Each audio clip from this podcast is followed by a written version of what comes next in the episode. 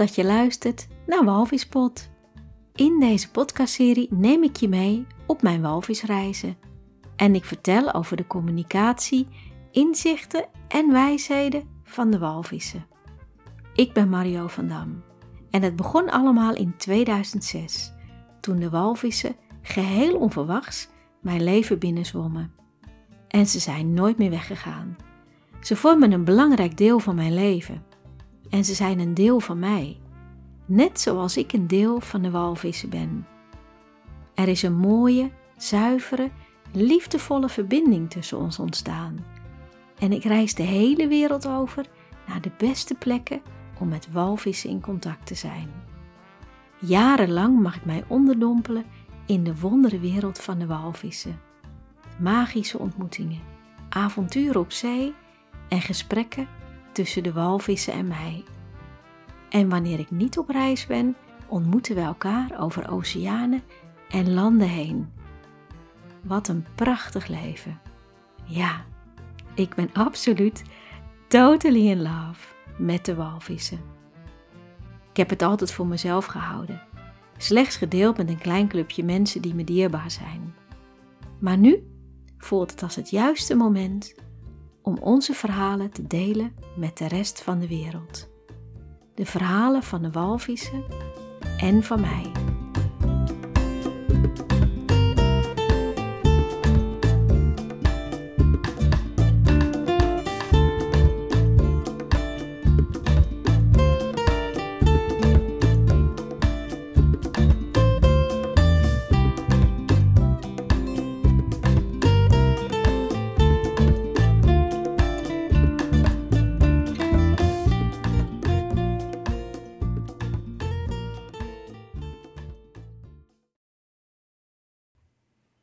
Ik wil met je praten, zegt u. Ik ga naast haar zitten op het terras en ik zeg: Dat is goed, als het maar niet te heftig is, want dat kan ik nu niet aan.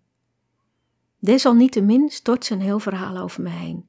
Dat ze gekwetst is, dat ze boos is en dat ik er in de steek laat en dat ik toch beloofd heb dat ze mee kan rijden vanuit Düsseldorf naar Nederland. Ik leg opnieuw uit dat ik me vergist heb en dat me dat oprecht spijt, maar dat ik echt dacht dat de auto groter was. Ik bied opnieuw aan om een oplossing te zoeken, om te kijken welke busreis ik vorig jaar met haar had.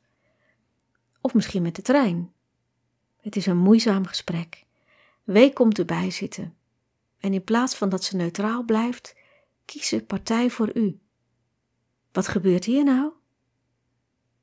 En de twee dames tegenover mij laten mij een kant zien waar ik al langer van wist. Een kant die ik niet zo aangenaam vind. Maar iedereen heeft kanten die niet aangenaam zijn, ook ik. Dus ik heb het altijd gelaten voor wat het is. Maar nu, nu zie je zo zitten, en de hele toestand wordt opgeblazen tot iets wat nergens over gaat, denk ik: wat gebeurt hier in vredesnaam? Ja, het is vervelend dat het zo loopt, mee eens. Maar het is niet van de einde, einde van de wereld, toch? Het gesprek gaat maar door en gaat maar door en er wordt volledig over me heen gewalst. En opeens knapt er iets in mij. Het is me te veel. Ik worstel nog met het verdriet over datgene wat er met mijn kinderen gebeurd is. En de tranen zitten me hoog. Ik voel een huilbui opkomen. Ik sta op. En daarmee stopt de woordenstroom. Ik zeg dat ik momenteel andere dingen aan mijn hoofd heb, maar dat ik daar nu niet over kan en ook niet over wil praten. Er staat zo'n brok in mijn keel dat ik letterlijk niet verder kan praten. Ik loop snel naar ons appartement, maar vergeet dat kleine I de sleutel in haar zakken heeft en dat zij op het terras zit bij de rest van de groep. Dus ik laat me voor de deur van het appartement op de grond zakken. De het hele verdriet in mij komt omhoog. En ik krijg een huilbui zoals ik nog nooit heb gehad. Eindelijk kan ik me overgeven aan het verdriet, dat als een bom in mij tot ontploffing komt. En ik hoor grote I en L roepen op het plein. Maar ik kan niet antwoorden. Ik moet zo ontzettend huilen. Ik blijf zitten waar ik zit. En ik weet niet hoe lang ik daar zit. De tranen blijven komen. En ik ben uitgeput van het, van het huilen en ik hap naar adem terwijl ik daar zit. Ik huil om de kinderen en er komt een heel oud pijnstuk naar boven. En op dit moment is er ook niets wat ik eraan kan doen om het te stoppen. Dat zou ook niet wenselijk zijn. Het komt en ik kan niets anders dan het nu laten komen. Grote I komt de trap op. Ze heeft me gevonden. Ze komt bij me zitten, slaat haar armen om me heen en houdt me vast. Tot ik kalmeer. El komt opnieuw roepen en I zegt dat we er zo meteen aankomen. Wil je wel mee op de boot? zegt ze. Ik zeg ja, ik ga wel mee. De oceaan en hopelijk de dieren zal mij goed doen. Dus dapper stap ik op de boot. De sfeer is niet best, dat voel ik meteen. K is heel boos op mij vanwege de vertraging. En dat snap ik, ik heb de hele boot laten wachten. En het spijt me ook echt oprecht, maar ik kon gewoon even niet. Ik moest zo ontzettend huilen. W en U zijn boos op mij over de terugreis. En er zijn verschillende gasten ingelicht door W en U, en die kiezen de kant van U. Voordat we gaan zitten, sla ik mijn arm om U heen en zeg dat ik wegliep om, om iets anders. Dat het niet over haar ging en ook niet over de terugreis. Ze reageert nog steeds wrokkig. Kleine I gaat vandaag niet mee. Dus ik ga voor op de boot zitten samen met grote I, met J en met L. De tranen blijven stromen. Ik zet mijn zonnebril op om het te verbergen, maar ja, ook deze bril houdt de tranen niet tegen. Er gebeurt niet veel op het water. We zien wel walvissen. U krijgt een mooie zwem samen met W en L een prachtige zwem in haar eentje.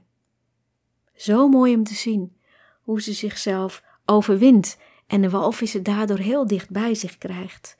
Dit is haar grote wens, om ook zo dicht bij de walvis te liggen. En jij, haar moeder, wordt hierdoor heel erg geraakt. Ik voel haar ontroering en ik voel ook de kracht van de moeder-dochterband. Wat mooi om nabij te zijn. We zien nog even kort dolfijnen, maar daar kunnen we niet mee zwemmen. En los van die paar zwemmen van de ochtend gebeurt er verder niets. Ik zit op de boot en ik kijk naar het water. En laat het allemaal maar gewoon gebeuren. Laat op de middag ga ik bij u zitten en ik voel even hoe haar energie is. Ik vraag haar of ik even, of ik even met haar kan praten. En opnieuw leg ik het haar uit. Nog een keer.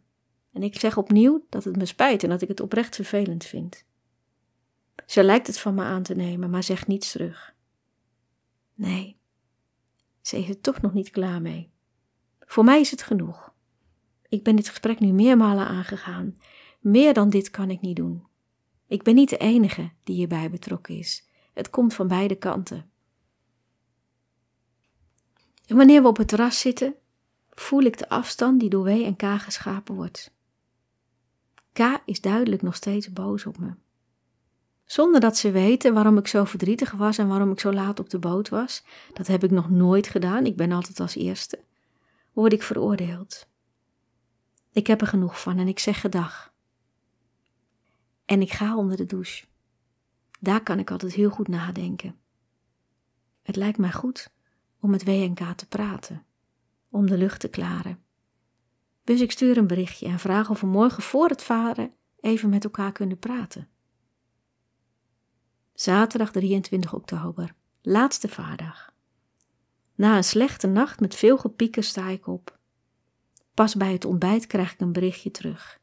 Er gaat niet gepraat worden. We laten alles achter ons en we beginnen gewoon opnieuw. Dat staat er op mijn schermpje. Jammer. Het uitvaren voelt niet goed. Ik word door de meeste mensen genegeerd, ook door WNK. Dit voelt niet als alles achter ons laten en opnieuw beginnen. Dit voelt als het voortzetten van gisteren. We komen een heleboel plastic tegen in de oceaan en die gaan we als eerste opruimen voordat we de walvissen en de dolfijnen gaan zoeken. En ik hang over het randje van de, van de boot wanneer ik iets zie wat ik uit het water zou willen halen. Maar elke keer wanneer we vlakbij het stukje plastic zijn, wordt de boot zo gedraaid dat het plastic aan de andere kant komt te liggen en dat ik voor niks op zijn kop aan de zijkant van de boot hang. De eerste keer denk ik nog dat het per ongeluk is. Maar wanneer het vaker gebeurt, denk ik: ook hierin word ik genegeerd. Ik kan niet eens het plastic uit het water halen. En El wordt er heel boos om en ze wilde wat van zeggen. Ze vindt het zo kinderachtig. Maar ik zeg: nee, laat maar. Hou de eer maar aan jezelf. De wind trekt flink aan. We gaan naar een baai. En dan gaan we allemaal even zwemmen. Ik knap op van het water. Het brengt me wat meer in de rust. En wanneer ik weer op de boot kom, zie ik dat L en W en U daar samen zitten. Met z'n drietjes. En ik ga erbij zitten. We praten wat. En opeens neemt het gesprek zo'n wending dat ik kan vertellen over wat er met mijn kinderen aan de hand is. En dat ik daarom zo verstreek was. En dat het helemaal niet met u of met de terugreis te maken had, maar dat ik gewoon in oud stuk getrokken werd. Een oud stuk van mijn eigen pijn en daarbij ook de pijn van de kinderen, waar ik op dit moment niets voor kan doen. Maar ook dat ik het moeilijk vind dat, de, dat ik de laatste dagen zoveel gedoe over me heen gekregen heb. Ze horen me aan. B komt nog wel met wat adviezen en ze zegt: Ja, het is wel vervelend, maar je moet echt het grotere plaatje zien. Dat is heel goed bedoeld van haar, maar daar kan ik nu niks mee. Ik snap het, ik ken deze theorie. Maar ik kan nu nog geen helikopterview hebben en over die situatie heen kijken en zien dat het goed komt. Er is gewoon iets heel ouds in mij aangeraakt en die pijn ben ik niet zomaar kwijt en dat verdriet ook niet. Maar wel ben ik blij dat ik nu eindelijk heb kunnen vertellen wat er aan de hand was. Hopelijk verandert er nu iets in onze situatie. Staan ze nu wat milder tegenover mij, nu ze begrijpen waarom ik zo van de kaart was. Bij het wegvaren blijkt het anker vast te zitten en ik help K met het losmaken. En dan kom ik weer in gesprek met hem. Fijn. We komen weer een beetje in dezelfde vertrouwdheid. Daar ben ik blij om. Het waait te hard om te varen en we gaan terug naar de haven. Het is een teleurstellende laatste dag. Geen walvissen en geen dolfijnen, althans, behalve die paar zwemmen in de ochtend. Voor anderen heel fijn, maar ik heb eigenlijk geen zwem gehad vandaag. Ondanks alles wat er gebeurd is, besluit ik morgen toch mee te gaan op de extra vaardag. De lucht lijkt tussen ons geklaard te zijn. Dan kunnen we het mooi afsluiten met elkaar op het water. Daar ga ik voor. Echter, wanneer we op het terras zitten, doen W en weer boos tegen mij. Ik snap hier echt helemaal niets van, van deze grilligheid. Even later ga ik opnieuw onder de douche, daar kan ik altijd goed nadenken. En ineens wordt het me helder. Dit is de laatste keer voor mij op deze plek. Ik maak me los. Het is tijd voor iets anders. Datgene wat ons ooit bond, lijkt nu verbroken te zijn. En ik wil niet dat er op deze manier met me omgegaan wordt. Zo vol boosheid en oordelen, zonder dat er over gepraat kan worden. Dit is niet het liefdevolle wat ik hier altijd gevoeld heb, waar we altijd over praten met z'n allen. En er komt een grote rust over mij heen. Ja, ik voel mij dankbaar. Dankbaar voor alles wat W en K mij geboden hebben. Voor alle mooie vaarten. Voor de keren dat ik mee mocht als assistente. Voor de mooie gesprekken. Voor hun hulp en ondersteuning. Voor de liefde die ik altijd gevoeld heb. De afgelopen jaren waren geweldig hier en daar zal ik W en K altijd dankbaar voor zijn. Maar misschien heb ik dit hele gebeuren wel nodig om los te komen los te komen van deze plek, zodat ik andere dingen kan gaan doen, andere reizen kan gaan maken, andere plekken bezoeken, andere wateren, nieuwe deuren die opengaan. Het voelt zo goed, deze beslissing. Het voelt alsof er een enorme last van me afvalt. Bij het eten probeert Wee steeds mijn aandacht te trekken. Ze voelt dat er iets is. Echter, ik ben al bezig om me los te maken liefdevol en met respect, maar wel doelbewust. Ik vind het best moeilijk om hierover te vertellen.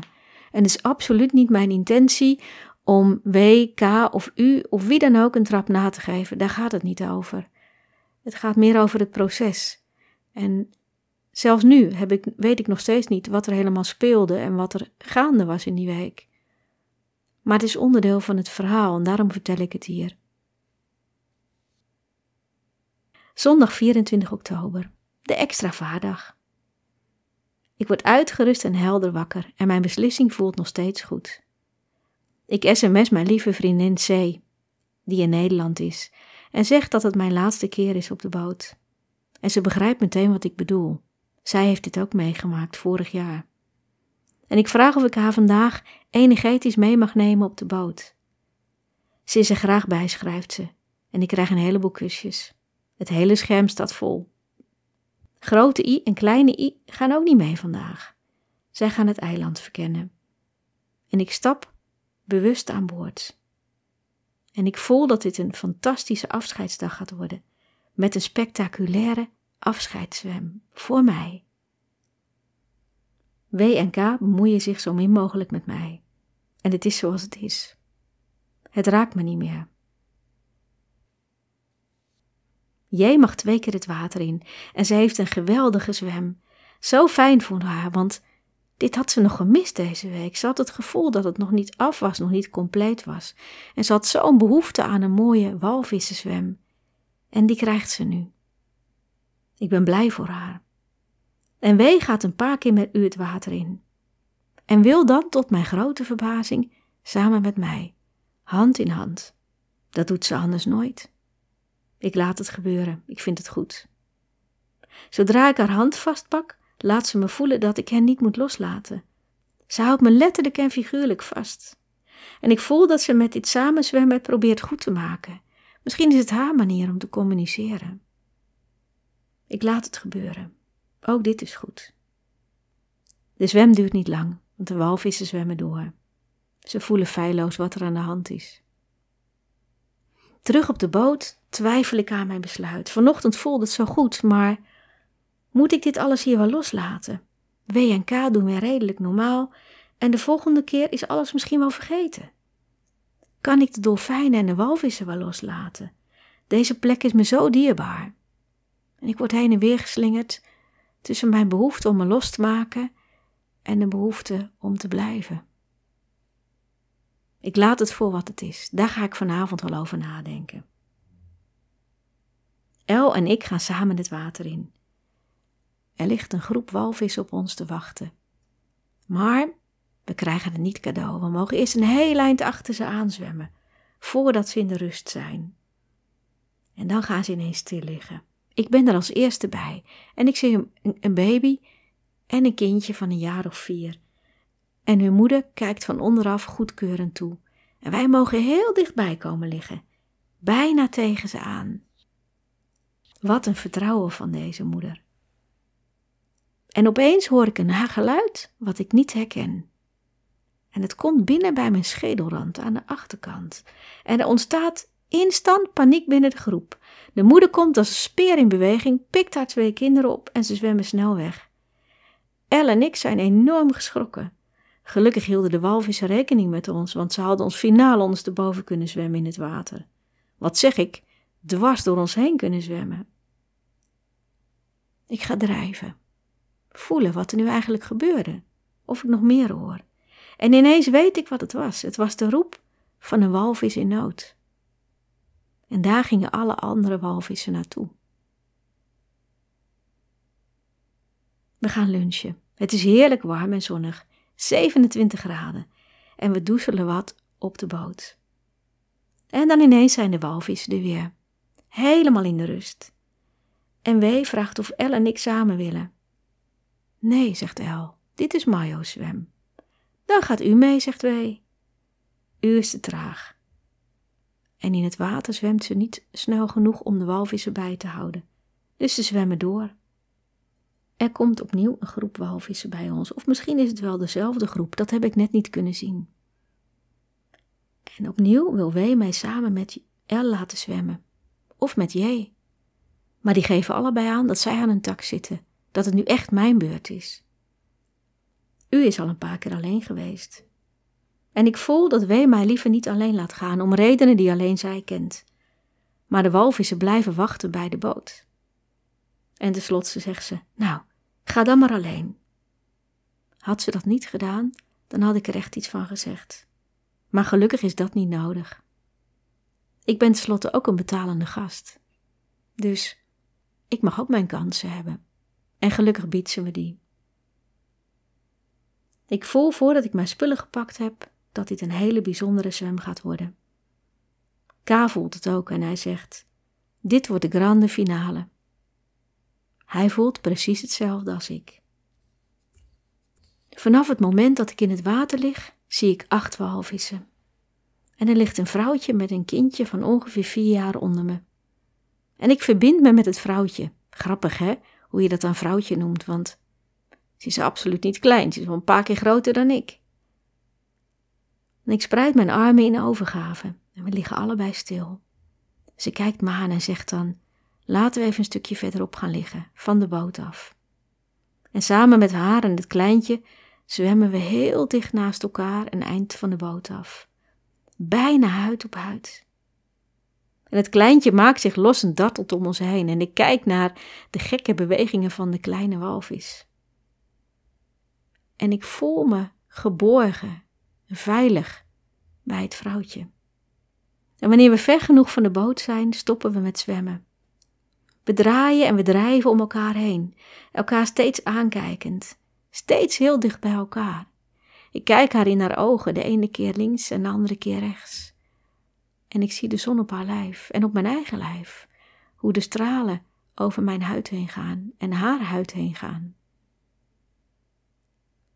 Ik noem mijn lieve vriendinnen, C en de beide I's, en zeg dat ze vandaag in energie bij ons zijn en dat ze met ons meezwemmen. En dan vertel ik dat ik met liefde de opdracht op mij neem om hun boodschap uit te dragen. De boodschap van de walvissen. En of zij mij daarbij willen helpen. En op het moment dat ik dit vertel, voel ik dat ze mijn medewerking over de hele wereld zal verspreiden. Van de ene walvis op de andere. En dat alle walvissen dit zullen weten: dat ik hun boodschap, hun verhaal ga uitdragen. Ik krijg er kippenvel van, terwijl ik in het water lig. Toevallig, niets is toeval, trok ik vandaag een kaartje op de boot.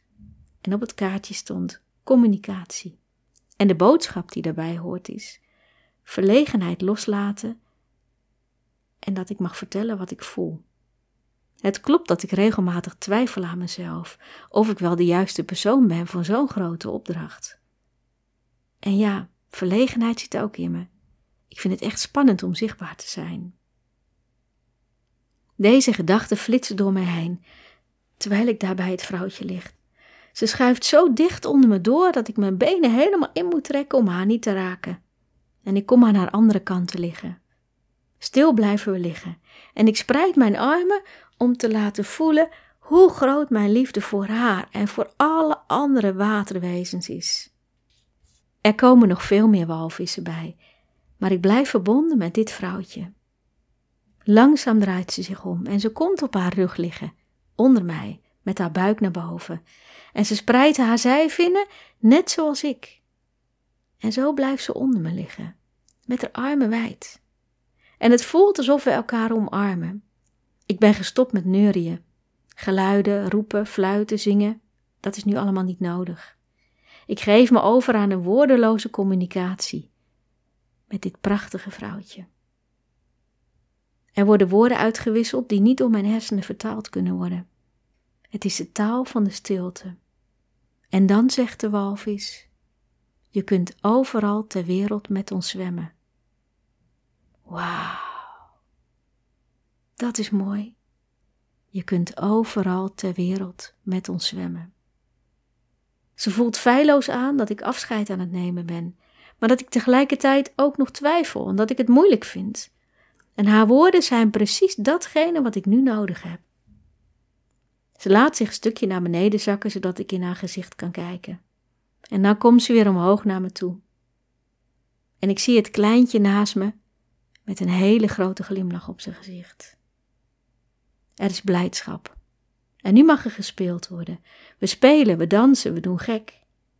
En we zwemmen nog een heel stuk samen op. Samen met de moeder en het kindje.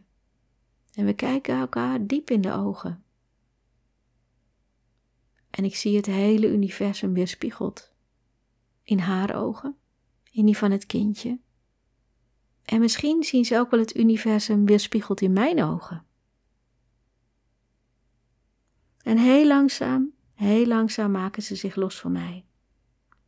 En het is goed. De hele groep die om ons heen lag, zwemt ook langzaam weg. En ik laat ze allemaal gaan. Ik zeg ze één voor één gedag. En dan komen er nog twee walvissen terug om nog even bij me te liggen. Ook nog eventjes maar aankijken. Geluiden maken. Eerst vertrekt de een en dan de ander. En ik kijk ze na, terwijl ze langzaam in de verte verdwijnen en steeds meer lijken op te lossen in het blauw, het blauw van de oceaan. En vanuit de verte hoor ik een roep. En ik draai me om. Zijn er nog walvissen dan? Zijn ze die aan het roepen? En dan kom ik tot de conclusie dat het hun afscheidsroep aan mij is. En dat de hele oceaan meeluistert naar deze afscheidsroep. Ik zwem terug naar de boot. Iedereen wil weten hoe het was, maar het lukt nu even niet om te praten. En ik zeg: voor sommige dingen zijn geen woorden. Ik wil eerst even rustig met mezelf zitten en navoelen. En wanneer ik na een poosje iets wil zeggen tegen WNK over deze zwem, merk ik dat ze opnieuw niet met me willen praten. Het leek goed te zijn tussen ons, maar nu na deze zwem zijn ze ineens weer boos tegen me. Of is het iets anders waarom ze niet met me willen praten?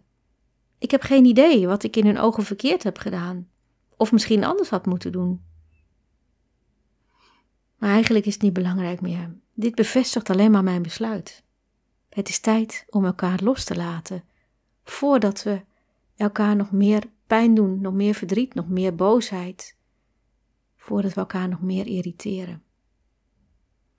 El vertelt later dat er tijdens mijn zwemmen een heleboel walvissen omhoog kwamen met hun hoofden boven water, naast de boot, en dat ze daardoor allemaal even afgeleid waren. En later voegden die walvissen zich bij de groep waar ik al mee zwom. Daar heb ik zelf niets van gemerkt. Ik was te druk bezig met de moeder en het kleintje. Mijn zwem was inderdaad de grote finale. De walvissen laten zich niet meer zien. En we gaan naar de baai om een stukje te zwemmen. Ik heb er geen zin in. Juist ik, die altijd het water in wil, heb er nu geen behoefte aan. Ik blijf zitten en koester me in het diepe gevoel van de liefde van de walvissen. De liefde tussen de walvissen en mij. Wat is dat stevig verankerd in mijn lijf? En ik voel nu heel duidelijk dat het klaar is hier. Het is tijd om afscheid te nemen en elders met de walvissen te gaan zwemmen. Ineens voel ik dat het me belemmert om hier steeds weer terug te keren. Ik vind het fantastisch hier, maar tien keer is genoeg. Voor mij, maar misschien ook wel voor WNK. Misschien is het helemaal niet goed om zo vaak als gast terug te keren. Misschien word je dan wat te vertrouwd of te eigen. Dan kunnen dingen ook gaan wringen en verkeerd lopen. Dus het is tijd voor nieuwe plekken en nieuwe ervaringen. Ik zal altijd op zoek blijven gaan naar plekken waar ik walvissen en ook dolfijnen kan ontmoeten. Maar ik zal ook andere reizen maken, naar andere landen, waar geen walviszwemmen mogelijk is. Ik heb al langer de wens om ooit eens olifanten te ontmoeten. Alles in me breekt open. Het is tijd om los te laten en me open te stellen voor het nieuwe. En zonder dit heftige proces van deze reis had ik me waarschijnlijk nog niet losgemaakt nu. Ook dat is iets om dankbaar voor te zijn. Ook al doet het ook nog wel een beetje pijn. En het gek is dat naast deze pijn, dat het tegelijkertijd vredig in is. We varen naar de visbakken en zien daar dolfijnen. Een moeder met een heel klein babytje en het kleintje oefent met springen. En na een paar halve gekke sprongen is daar ineens die perfecte sprong, waarbij ze helemaal uit het water komt. En we zien heel kort een prachtig gevormd lijfje met een heel klein vinnetje op de rug en een heel klein staartvinnetje. Zo lief. Met dit beeld op mijn netvlies varen we terug naar de haven. Ik kijk naar alles wat me zo vertrouwd geworden is: de rotsen en de vogels die daarboven rondcirkelen, het strandje en de haven. In K draait de boot richting de ondergaande zon, en terwijl we naar de muziek luisteren, neem ik afscheid van deze plek. Ik weet niet of het een afscheid voor altijd is, maar wel voor nu. Terug in de haven geef ik WNK een grote, oprechte knuffel. En ik bedank ze voor deze schitterende dag. Aansluitend eten we gezamenlijk een ijsje met de hele groep op het terras. K gaat terug naar de boot om deze schoon te maken. En ik bied dit keer niet aan om hem te helpen. Ik geef W een laatste knuffel en bedank haar voor alles. Ze blijft me vasthouden en ik weet dat ze voelt dat er iets gaande is. Woordeloos laat ik haar even voelen. En dan maak ik me los. S'avonds op bed voel ik dat ik trots ben op mezelf. Ik heb deze dag een magisch mooie zwem gekregen. En ik heb bewust afscheid genomen en alles losgelaten. De pijn en het verdriet zijn verdwenen en er is vrede en rust in mijn hart. Maandag 25 oktober. Grote I, kleine I en ik gaan er een mooie laatste dag van maken. En we gaan nog wat dingen bekijken die we nog willen zien. En we lunchen op een heerlijk pleintje in de zon. I neemt konijn. En andere I eet een toetje met klonten en vellen.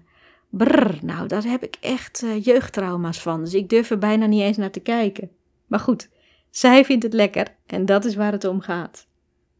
En s'avonds hebben we een gezellig afscheidsdiner met J en met L.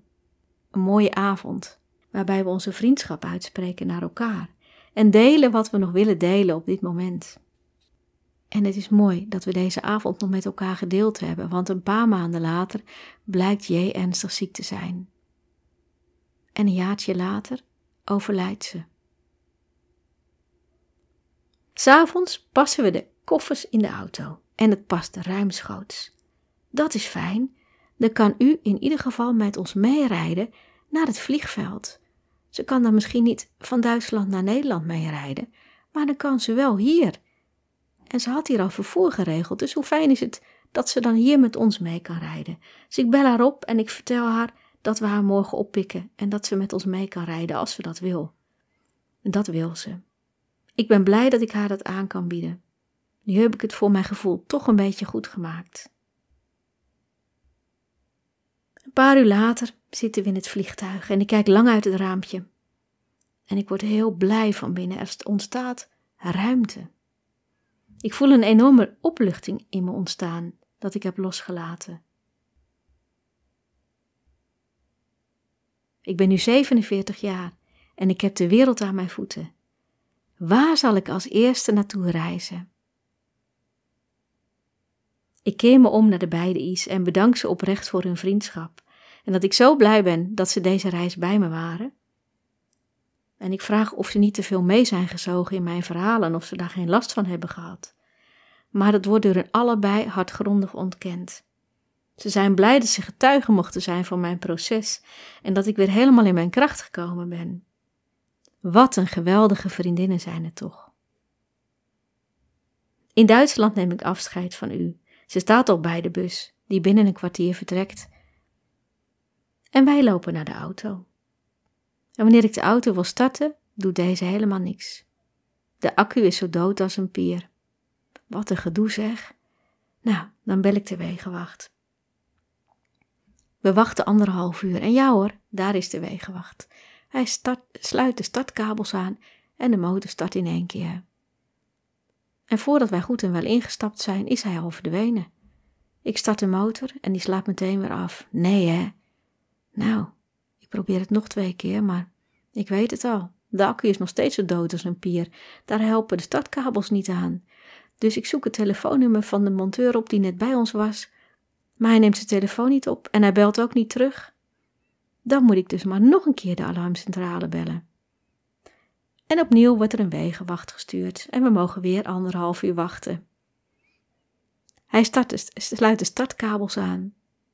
En ja, de motor start opnieuw en ik zeg, zou je even willen wachten tot we weggereden zijn, dat niet weer de motor afslaat? En dat doet hij. Hij wacht tot we de snelweg opgedraaid zijn en gaat dan de andere kant op. En we rijden door zonder problemen tot we bij Veenendaal zijn. En daar moet ik echt even gaan tanken, want ja, dat moest ik op de heenweg eigenlijk al, maar toen kwam het niet zo uit qua tijd. Maar ja, als je tankt, moet je ook je motor weer uitzetten. Nou, laten we hopen dat de accu voldoende opgeladen is. Nee, niets is minder waar. De accu is nog steeds zo dood als een pier. Dus opladen doet hij niet meer. Eerst maar even tanken. En dan duwen we de auto aan de zijkant naar een parkeerplaats.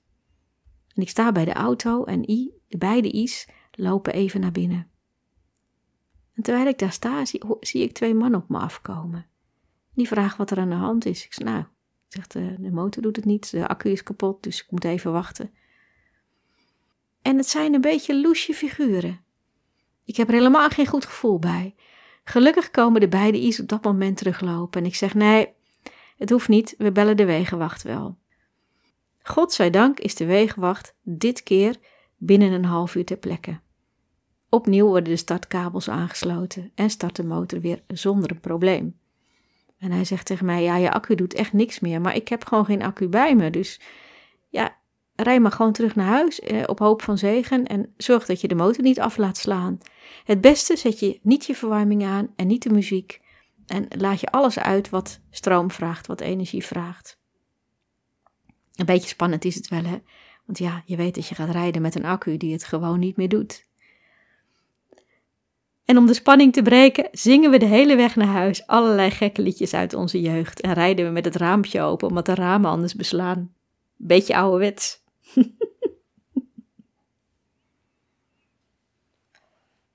Wanneer ik thuis kom, zijn de kinderen nog op en ik voer een intens gesprek met ze. En ook de avond erna. Ik weet dat het goed komt. En ik voel de kracht van ons gezin.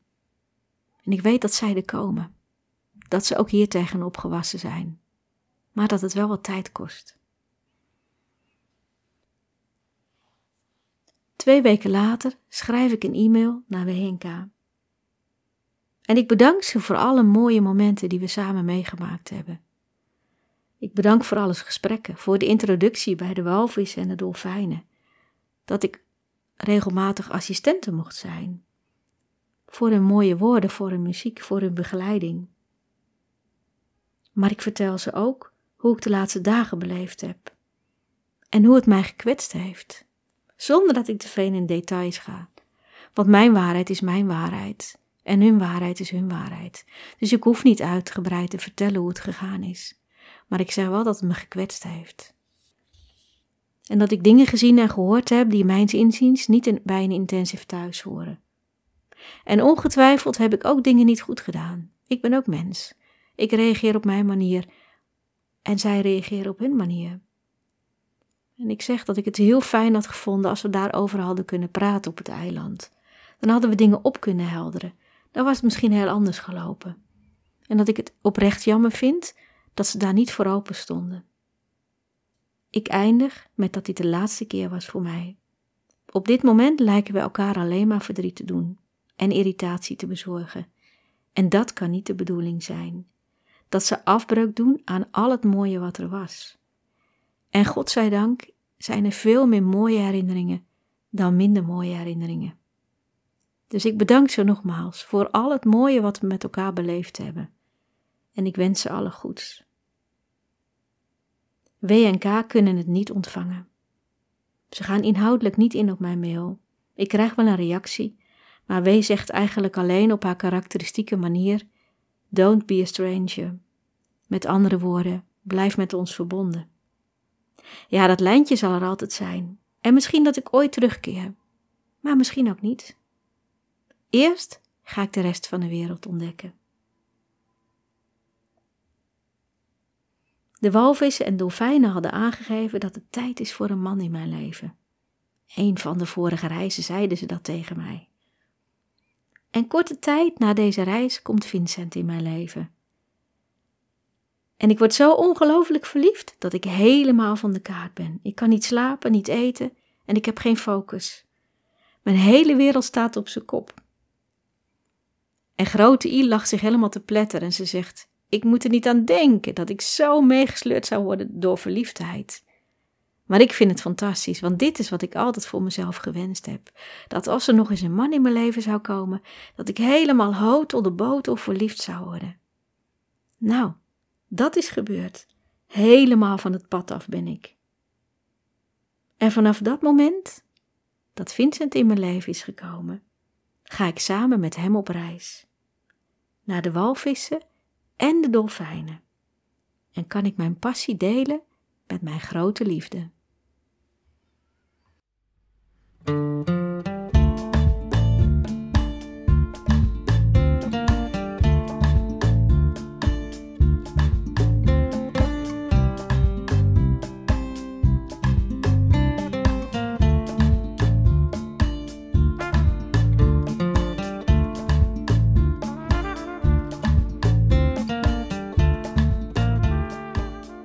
Je hebt geluisterd naar Walvispot.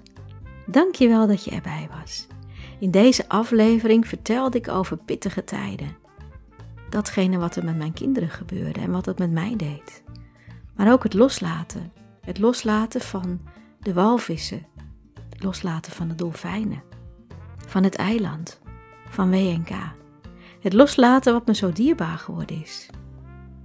En toch is het goed zoals het is. Want dit biedt mij de gelegenheid om andere reizen te gaan maken, andere plekken van de wereld te gaan bekijken. Mijn naam is Mario van Dam. Je kunt me vinden op Instagram onder de naam whale.woman. Ik heb ook een website whalewoman.nl. En voor mijn praktijk kun je kijken op flow-shiatsu.nl. Heb je deze aflevering mooi gevonden? Zou je dan zo goed willen zijn deze te delen, te liken en review te schrijven? Daar ben ik heel blij mee als je dat doet. En als je een vraag hebt, dan kun je deze stellen via mario.whalewoman.nl Aan het einde van de aflevering vertelde ik over de man van mijn dromen, Vincent, die in mijn leven kwam. En hij is er nog steeds. We zijn al twaalf jaar samen. En de volgende afleveringen gaan over onze reizen samen.